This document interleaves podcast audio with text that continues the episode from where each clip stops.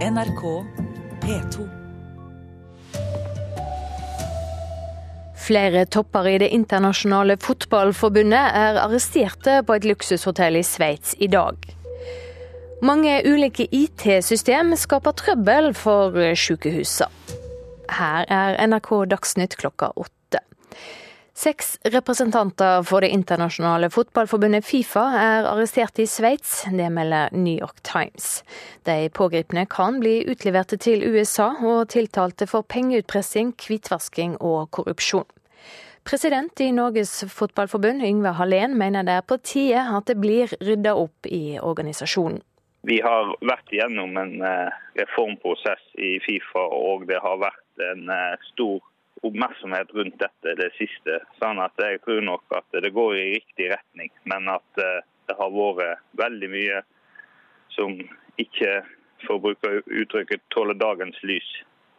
Og Det er da viktig for Fifa, hvis den skal gå videre som en eh, organisasjon som en kraft for fotballen, at dette kommer opp. Og Fifa-president Sepp Blatter er ikke mellom de pågrepne, men også han har ifølge CNN vært etterforska. Sykehusene har brukt langt mer penger på datasystem enn det som var planlagd. En gjennomgang Legeforeningen har gjort av IKT-prosjekt i sykehussektoren, viser at budsjettene i snitt sprekker med 238% Professor ved Institutt for informatikk ved Universitetet i Oslo, Ole Hanseth, har sett på prosjektstyring i norsk helsevesen. Han forteller hvorfor det er så vanskelig å få til vellykka IT-prosjekt på sykehusene. Det skyldes at det er veldig mange forskjellige IT-systemer og løsninger som brukes etter hvert. Eh, innenfor Helse Sør-Øst så vet jeg at de har i størrelsesorden 4000 forskjellige systemer. Og hver av de er integrert med veldig mange andre systemer, men likevel så er de ikke integrert godt nok, og ikke med mange nok, sånn at man får ikke tak i den informasjonen man trenger. Arbeidstakerorganisasjonen Ekona, som organiserer siviløkonomer, vil ta den ekstra ferieveka fra 60-åringene. En stor del av medlemmene i fagforeninga mener småbarnsforeldre har mer trang for ei ekstraveke ferie. Administrerende direktør Tom Bolstad i Ekona sier til Dagens Næringsliv at han tviler på om alle 60-åringer virkelig trenger ekstra ferie, og mener dagens ordning gjør de eldre mer utsatte i nedbemanningsprosesser. Både LO og YS er svært utsamde, usamde i utspillet. I USA har 16 mennesker mista livet i flaum i delstatene Texas og Oklahoma. Vannet har stått høyt i storbyen Houston, og flaumen er den største i området på ti år. 500 mennesker er henta ut fra biler som sto fast i vannet. NRK Dagsnytt, Silje Sande.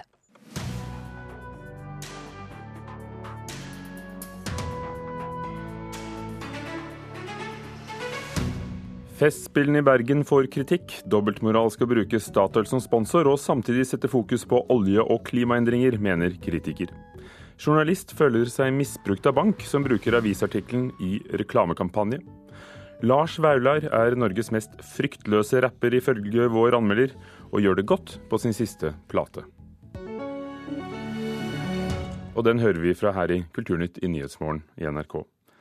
En av Norges mest historiske kulturbegivenheter åpner igjen i dag, Festspillene i Bergen. Nå får festivalen kritikk for dobbeltmoral. Festivalen viser et stykke fra Fiji som advarer mot oljerelaterte klimaproblemer, samtidig som Statoil er en av hovedsponsorene. Oh, okay, right Flesland flyplass i går formiddag. En lettet kunstnerisk leder for et fijiansk dansekompani og en norsk professor i sosialantropologi. Edvard Widing ved Universitetet i Bergen inviterte fijianerne til å lage en forestilling om hvordan klimaendringene truer livene deres. And from then on we've been able to uh, design a small European tour to follow on that. Peter Rockford Espirito, kunstnerisk leder, hawaiianer med en dansekarriere i New York og Tokyo. Using um, the faces and the songs of, of the people who are being impacted directly, the indigenous from the South Pacific, from all over Oceania, and showing what's happening uh, with climate change, the rising of the sea, those kind of things, those issues. Lederen for Oceania Dance Theatre forteller at hele land snart forsvinner under vann og vil at vi skal føle hvordan det er gjennom forestillingen Moana, The Rising of the Sea. Their, their land, their ancestors, all the bones of their ancestors, everything they knew, they're going to lose that and they're going to have to relocate. Det samme har Ragnhild Freng Dale merket seg. Hun forsker på hvordan lokalsamfunn påvirkes av ny industri. Nå mener hun det er kritikkverdig av Festspillet i Bergen å ta imot Statoil sine penger, samtidig som festivalen belyser klimaproblemer knyttet til oljeindustrien. Jeg syns det er problematisk. Hvorfor det? Altså, samtidig som man har viser frem de eh, konsekvensene av klimaendringene, så er man jo med på å gi støtte gjennom altså publisitet og eh, samarbeid til et eh, selskap som eh, ikke er i tråd med det. da. Utenfor Festspillkontoret, midt på Torgallmenningen, jobber riggere hardt for å få alt klart før åpningen senere i dag. Inne i Festspillkontoret forstår Festspilldirektøren Anders Beyer kritikken. Det er et helt legitimt spørsmål. Det man kan si, det er at Norge har bygget store deler av samfunnet opp på oljeinntekter. Kulturlivet er ikke noe unntak for det her.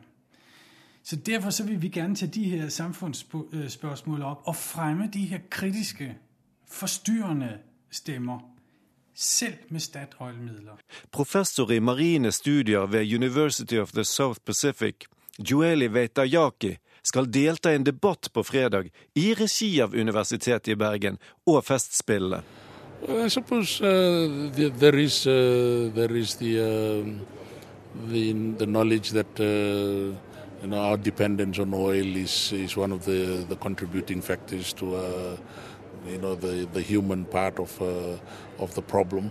Nettopp derfor ønsker Ragnhild Freng Dale at Festspillet i Bergen revurderer Statoil som sponsor.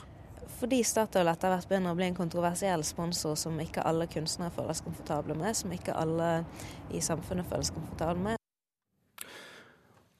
Og reporter var Mikael Olsen Lerøen, og Festspilledelsen sier at det ikke er aktuelt å revurdere Statoil sitt sponsorat. Hilde Sandvik, kultur- og debattredaktør i Bergens Tidende. Festivaler som dette får ofte kritikk for å være lite publikumsvennlige. Eh, hva er Festspillenes problem? Eh, Festspillens problem, eller utfordring, er jo at for det første så er det den største festivalen med den største offentlige pengesekken. En kan si Statoil er inne og sponser eh, festivalen, eh, men, det er desidert den største over kulturbudsjettene. Og skal nå bredt og skal gjøre alt på en gang. Eh, og eh, i år eh, så har jeg tenkt, når jeg ser på programmet, det er et svært program, at det ser ut som et gigantisk publikumsutviklingsprosjekt. En skal prøve å nå litt til alt og til alle. Vil en kritikk som denne som kommer om Statoils sponsorat, i motsetning til at de tar opp nettopp oljerelaterte klimaproblemer, være noe som rammer Festspillene hardt? Altså jeg tror at den type problemstillinger kommer til å ramme stadig flere hardere. Eh, for det at eh, vi står i en situasjon der ting blir satt veldig mye mer på spissen. Eh, og det dilemmaet som nå Festspillene står i med å både skal lage debatter og store debatter om klimaspørsmål, og samtidig tar imot Statoil-penger, det er på et vis Norge i et lite nøtteskall i øyeblikket. Vi står på kanten av vår, vår egen moral absolutt hele tiden. Samtidig viser ikke dette at kunstneriske friheten er nettopp eh, total?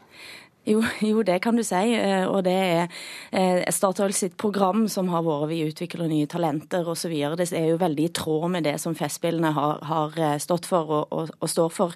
Men det er noe med hele oljeøkonomien som, som blir stadig større ubehag knytta til når vi ser, når vi ser de eskalerende klimautfordringene som verden står overfor. Hva vil du si om den delen av, programmet ved Festspillene i år som nettopp tar tak i dette med debatter i, i samarbeid med universitetet, samtidig som du har kunstnere fra et land som Fiji? Jeg håper og tror at det kan bli en viktig debatt. At det ikke bare blir en sånn rassel med sabler. Det er jo flere ganger en har kommet tilløp til at kunstnere sa takka nei til, til oljepenger, eh, f.eks. Eh, men altså det som en veldig lett havner i i norsk sammenheng, er jo nettopp det, den utfordringa at veldig mye av det vi holder på med, er, er finansiert av oljepenger.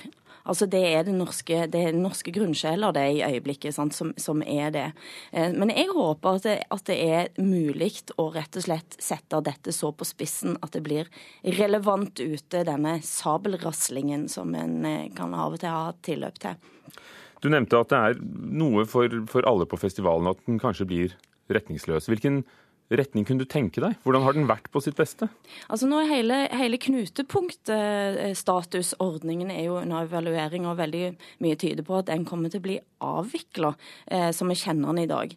Altså, altså, at noen festivaler får mye mer enn de fleste enn andre? De fleste andre for, for ja. å, å, være et ressurssenter, og Festspillene er en av dem? Ja, Festspillene er en av dem. Det er en av de viktigste. Og så eh, kan en se for seg at det er en enkelte institusjoner, som bl.a. Festspillene, som kan da komme på statsbudsjettet i stedet for det fordrer, tenker jeg, at det er en spisshet i, i, det som blir gjort på den måten at en tenker seg at det som skjer her, skal presentere òg noe av det helt ypperste og det helt fremste. Eh, når du har store navn på plakaten, òg i år, eh, som f.eks. Eh, Sofie von Otter eller, eller Rote Lemper for den del, så, så burde en kunne tenke seg at når de da kommer til Festspillene, så skal de virkelig gjøre det aller beste. Sant? Eh, eh at festivalen skal ha noen eh, av disse opplevelsene når en tenker at 'jeg var til stede', det skjedde her først. Eh, og, og, og, og sånn som sånn, jeg syns det ser ut som i øyeblikket, er at det er veldig mye som skal skje. Det er veldig mye flott. Eh, det er veldig masse som skjer én gang, eh, ikke har en vederheftighet i seg. Eh, det er kanskje store trioer, kvartetter som kommer, så har én konsert og reiser igjen. Og, og, en henter alt ifra Jan Eggum eh, altså til, til, Orfeo, til opera, sant? Eh, i mange, mange retninger. Jeg håper på at det skal selvsagt være noe som skjer under Festspillene i år, som virkelig er av den der eh, som ja, Kanskje Villanden hadde kvalitet under med, med, med Per Boje Hansen når han var her, eh, som, som, sprakk noen grenser for hva teater skal være. Det var den forestillingen som, som aldri sluttet? Den slutta absolutt aldri, og naboene begynte å protestere. Ja. Takk skal du ha, Hilde Sandvik, kultur- og debattredaktør i Bergens Tidende. Festspillene i Bergen åpner i dag. Overføringen av konserten hører du selvfølgelig på P2.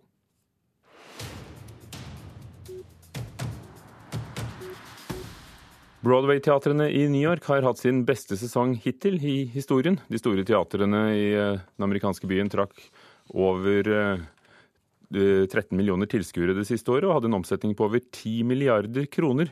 De siste to årene er besøkstallene gått opp med 13% mye takket være økt turisme, ifølge New York Times. 70% av gjestene er nemlig turister. Politiet i Las Vegas i USA avviser at de etterforsker dødsfallet til blueslegenden BB King som drap. King døde 14. mai i Las Vegas, der han hadde bodd i mange år, mens han drev en omfattende turnévirksomhet. To av døtrene hans mener at han ble forgiftet av sin forretningspartner og sin personlige assistent, og ba politiet etterforske dødsfallet.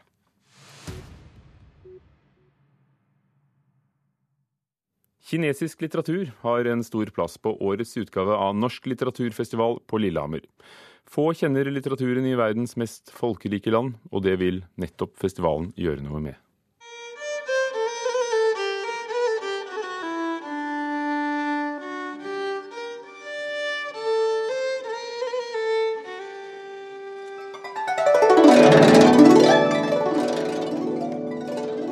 Musikalsk norsk-kinesisk forbrødring i Maihaugsalen på Lillehammer. Veteranfolkemusiker Knut Buen på hardingfele og Hong Hong Sheng på kinesisk harpe under åpninga av Norsk litteraturfestival i går kveld. Et bilde på årets festival, ifølge festivalsjef Marit Borkenhagen. Kinesisk litteratur har en sentral plass i årets festival. Vi ønsker med det å begi oss inn i et rikt landskap som vi har relativt liten kjennskap til her i Norge, for å lære, oppleve, lytte og diskutere. Jeg håper publikum blir med på den ferden. Den kinesiske poeten Shai Yongming er en av dem som er invitert til festivalen. Uh, jeg har vært på mange litteraturfestivaler, men denne er annerledes. Det er ikke bare lesing, men det er mye mer, sier den kinesiske poeten via en tolk. Hun er opptatt av at de som møtes på Lillehammer denne uka vil lære av hverandre, og hun sier kineserne også har noe å lære av nordmenn. Nordmenn er blant verdens mest lesende folk, og det er noe vi kinesere burde bli inspirert av, sier hun. Vi skulle ha kommet med båt. En isbryter med seil og motor og et trangt rom under dekk hvor man så vidt kan sove flerret opp lappeteppet av duppende hvite klumper, for nå og da å kastes ut på stille nattehimler av mørkt, isfritt hav. Det er 20. gang festivalen arrangeres. Mer enn 200 arrangementer fyller utesteder, kulturhus, parker og gater i Lillehammer i seks dager. Selve åpninga i går kveld ble foretatt av hun som festivalsjefen kaller eh, Norges viktigste litteraturformidler. Nemlig kronprinsesse Mette-Marit. En ambassadør som legger ned tid og engasjement i å reise rundt i Norge og utlandet i litteraturens tjeneste. Hennes kongelige høyhet, scenen er din. På en togtur med litteratur som tema, som starta i Trondheim i går og avsluttes på Hamar i dag, stoppa hun for å åpne festivalen, hvor hun la vekt på det å dele, snakke om bøker, som vel er ganske nært kjernen i det Norsk litteraturfestival er. En av de mest hverdagslige, men også fineste måtene å oppleve det litterære fellesskapet på, har sikkert mange av oss hatt i møte med en fremmed. Det øyeblikket der vi finner ut at vi har lest samme bok som har betydd noe for oss. At den andre forstår og ser på samme måte, åpner dører inn til hverandre som kan erstatte mange ord. Sånne møter tror jeg det er mange av her under litteraturfestivalen. Det er gode stunder i tilværelsen. Vi gir noe av sjøl i møte med den andre, fordi opplevelsen av litteratur er dypt personlig. Kronprinsesse Mette-Marit da Norsk litteraturfestival åpnet på Lillehammer i går kveld. Reporter Erlend Moe. Klokken er 17 minutter over åtte. Du hører på Nyhetsmorgen i NRK. De viktigste sakene i dag. Sykehusene bruker mye mer penger på datasystemer enn planlagt. Flere toppledere i det internasjonale fotballforbundet Fifa er arrestert, mistenkt for korrupsjon i Sveits i dag. Siviløkonomenes fagforening vil ta den ekstra ferieuken fra 60-åringene og la småbarnsforeldre få mer fri. Og vi anmelder en av Finlands mest omtalte unge forfattere, som nå er utgitt på norsk, senere i Kulturnytt. Sandnes Sparebank bruker en hel artikkel fra Stavanger Aftenblad i en ny, omfattende reklamekampanje om rentesatsen de tilbyr. Oppslaget fra 22.4 er blåst opp på 160 reklameplakater i Stavanger-området. Nå føler journalisten seg misbrukt. Avisredaktøren skylder på intern kommunikasjonssvikt. Jeg føler jo at uh, både jeg og Aftenbladet blir misbrukt. Uh, altså Her brukes en redaksjonell artikkel av en aktør som har Eh, kommersielle interesser. Sier journalist i Stavanger Aftenblad, Dag Henrik Fosse. Han sikter til 160 store reklameplakater hengt opp mandag på busskur i Stavanger, Sandnes, Sola og Randaberg. Det er bare det at reklameplakatene for Sandnes Sparebank er faksimiler av Fosses egen avisartikkel fra 22.4 i år, som handlet om rentenivået i banken. Ja, I dette yrket så etterstreber vi å opprettholde et klart skille mellom kommersiell og redaksjonell virksomhet. Og Her kan man få inntrykk av at Aftenbladet går god for reklamekampanjen til Sandnes Sparebank. Og det gjør ikke mediehuset. Reklameplakaten i busskuret er usedvanlig rik på tekst. Sandnes Sparebank har tatt Fosses artikkel, som dekket to tredeler av avissiden, lagt til ordet faksimile og merket en del sitater med gul markør, som f.eks. laveste rente og bedre rente enn andre landsdekkende banker. Under artikkelen står bankens logo og reklame for laveste rentesats. Altså Det er forskjell på å gjengi en uh, artikkel in extenso, altså i sin helhet, og uh, vise en liten faksimile. Eventuelt at de uh, fletter dette inn i et reklamemateriell, og så siterer de mediet. Men sånn så, den formen som dette har fått, det virker veldig rart. Her har de nok tråkket over noen grenser. Visste du noe om det? Nei.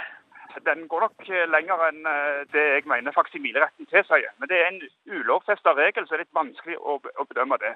Sier redaktør i Stavanger Aftenblad Lars Helle, som aldri godkjente bruken av artikkelen. Vi ble i kontakt om dette, så, så alt er gjort ryddig i forkant. Men det har skjedd en form for kommunikasjonssvikt etter hvert som har gjort at dette ble litt, eh, fikk et utslag som ikke helt passet oss. Fordi at folk, når de ser en Stavanger Aftenblad-side, så skal de vite at det er Stavanger Aftenblad, at ikke vi er en aktør for andre. Og Når det blir så, så utprega, så er det problematisk. Det er ikke uvanlig at, at faksimiler blir brukt i annonsevirksomhet, men det er liksom eh, størrelsen og omfanget av bruken her som, hvor vi kunne snakket bedre sammen. Så hvorfor sakset banken en avisartikkel i stedet for å finne på sin egen reklame? Fasett reklamebyrå og daglig leder Pål Hjort Berge står bak kampanjen. Det er selvfølgelig at en, en, en, en bruker gjerne kilder til å understøtte og dermed bruke troverdighet. Det er klart Aftenbladet har en autoritet som en troverdig og, og skikkelig kilde. Så det var en, en ønske om å gjøre en, en redelig og, og, og tydelig kommunikasjon. Journalist Dag Henrik Fosse på sin side mener det må være mulig å skrive positivt om bedrifter når de fortjener det, uten dermed å bli misbrukt i reklameøyemed. Mm, hvis man ser i arkivet vårt, så vil man se at uh, her har vi alle avskygninger. Uh, banken får ris når fortjener det, og ros når fortjener det. Og saken har vært en lærepenge for Aftenbladet, sier redaktør Lars Helle. Vi må først finne ut hva som har skjedd og hvor feilen ligger, og så, så får vi i alle fall ta dette som en god læring både for reklamebyrået og oss og for annonsør. Lars Helle i Stavanger Aftenblad til reporter Anette Johansen Espeland. Paitim Statovic er en ung finsk forfatter med kosovo-albansk bakgrunn. Han fikk avisen Helsingin Sanomats pris for beste debutroman da boken 'Katten min Jugoslavia' kom ut i Finland, og nå er den her på norsk. Vår anmelder Leif Ekle har lest en leken og alvorlig roman om å være fremmed. Blant mange gode grunner til å lese den unge Paitim Statovics strålende første roman er evnen og lysten til å leke, med så vel tekst som leser, en av de viktigste. Og det selv om leken skjer i stort alvor. Engasjement og innlevelse i en historie som skrives langt utover det selvopplevde eller realistiske, er to andre grunner til å få med seg Statovci. At grensene for det mulig biografiske tøyes kraftig, forhindrer på ingen måte at mye av stoffet i Katten min, Jugoslavia, kan ligge nært et liv den unge finnen med kosovo-albansk bakgrunn kjenner godt. Her finnes en ung mann, født av foreldre med flyktningbakgrunn, nettopp fra de albanske delene av det gamle Jugoslavia. Foreldre som kom seg til Finland da det gode forholdet mellom serbere og albanere langsomt snudde til sitt eget vrengbilde etter Josip Titos død. Den unge mannen, bokas ene hovedperson, er en prektig ung student med alle muligheter som velintegrert i det finske. Ensom er den unge homofile mannen like fullt, og det er etter et besøk på et utested for homser i Helsinki at han tar med seg hjem en vakker og veltalende katt. Et dobbeltmoralsk, homofobt vesen som raskt bretter seg ut over den unge manns liv, tar det over og gjør seg fet på hans bekostning, bokstavelig talt. For øvrig ikke bokas eneste katt, men den eneste som snakker. Bokas andre hovedperson er den vakre, unge kvinnen som tidlig på 80-tallet i landsbyen hjemme i Kosovo, når gifteferdig alder og gis til en temmelig brutal, men velstående ung mann i en nabolandsby. Bryllupet deres faller sammen med Titos død, og endringen av verden kan begynne. Bokas tittel gjør det nesten urå å ikke se for seg den sleipe katten som et bilde på Serbias rolle i konfliktene med andre folkegrupper som sammen med serberne utgjorde det gamle Jugoslavia. Om verden har glemt 90-tallets kriger på Balkan, sitter de fast i områdets kollektive minne. Det fine med Statovcis bildebruk og assosiasjonsbruk er at han aldri lar seg friste til klar tale, men i stedet lar leseren regne ut hva ting betyr, hva koblingene må antas å være. Slangens rolle, for eksempel, også et vesen den unge mannen trekker inn i livet sitt, men som også dukker opp med ulike fortegn andre steder i romanen, i en blanding av skrekk og kjærlighet. Gjester fra dyreriket er ikke noe nytt i romankunsten, ei heller snakkende katter. Og kanskje er det litteraturstudenten Statovtsjis hilsen til så vel Bulgakov som Murakami når han slipper både katten og slangen inn i de velfortalte rommene der vi lesere gis innblikk i hvor smertefulle og nær uoverstigelige fremmedskap og kulturhindringer kan være. Sa Leif Ekle om 'Katten min Jugoslavia' av Paitim Statovci, oversatt fra finsk av Turid Farbregd. I Kulturnytt har vi hørt at Festspillene i Bergen får kritikk for både å ha oljeselskapet Statoil som hovedsponsor, samtidig som oljerelaterte klimaproblemer er tema. Festspillene åpner i dag. Hanne Lunås var teknisk ansvarlig, Vidar Sem produsent, Ugo Fermariello programleder. Du hører på Nyhetsmorgen i NRK. Klokken er straks halv ni.